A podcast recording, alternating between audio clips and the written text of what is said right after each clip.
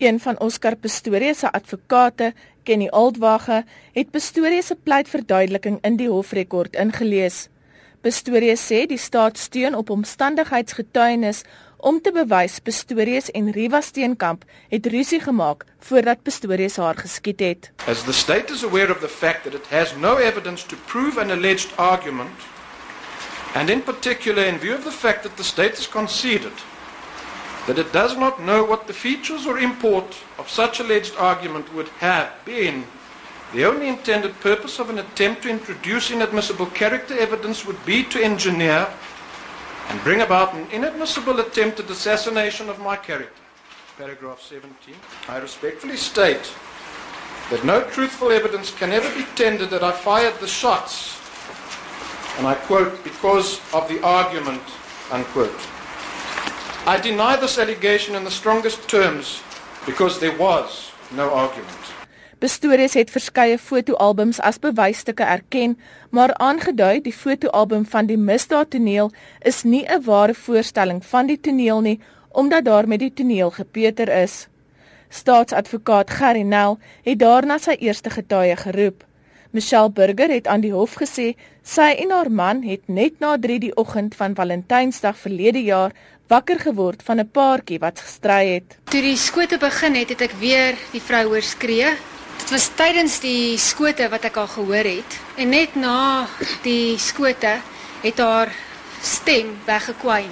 Sy sê sy was erg deur die voorval getraumatiseer. Moments before the gunshots, I sat in the bed and it's the most helpless feeling I've ever had in my life.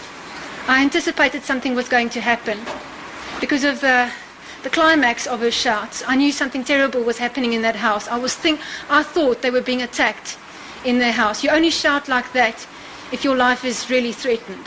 Bestorie se advokaat Barry Roo het dit aan burger gestel dat sy dalk nie geweerskote gehoor het nie, maar gehoor het hoe Bestorie die toiletdeur met 'n cricketkolf afbreek.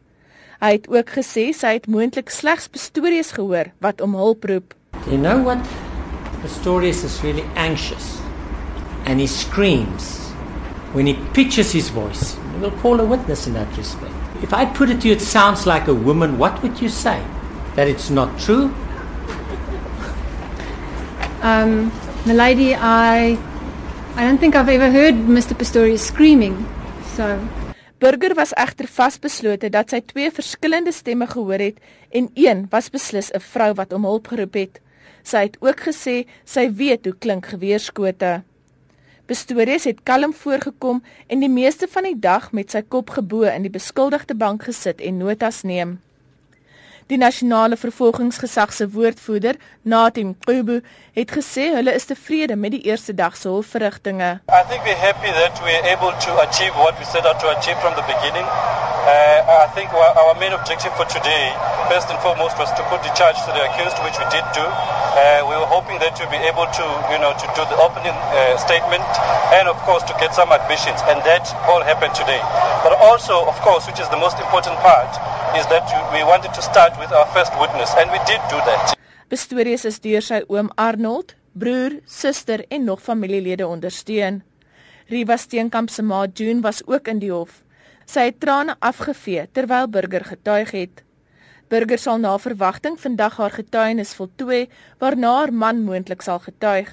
Die saak begin 09:30 vanoggend. Ek is Lela Magnus in Pretoria.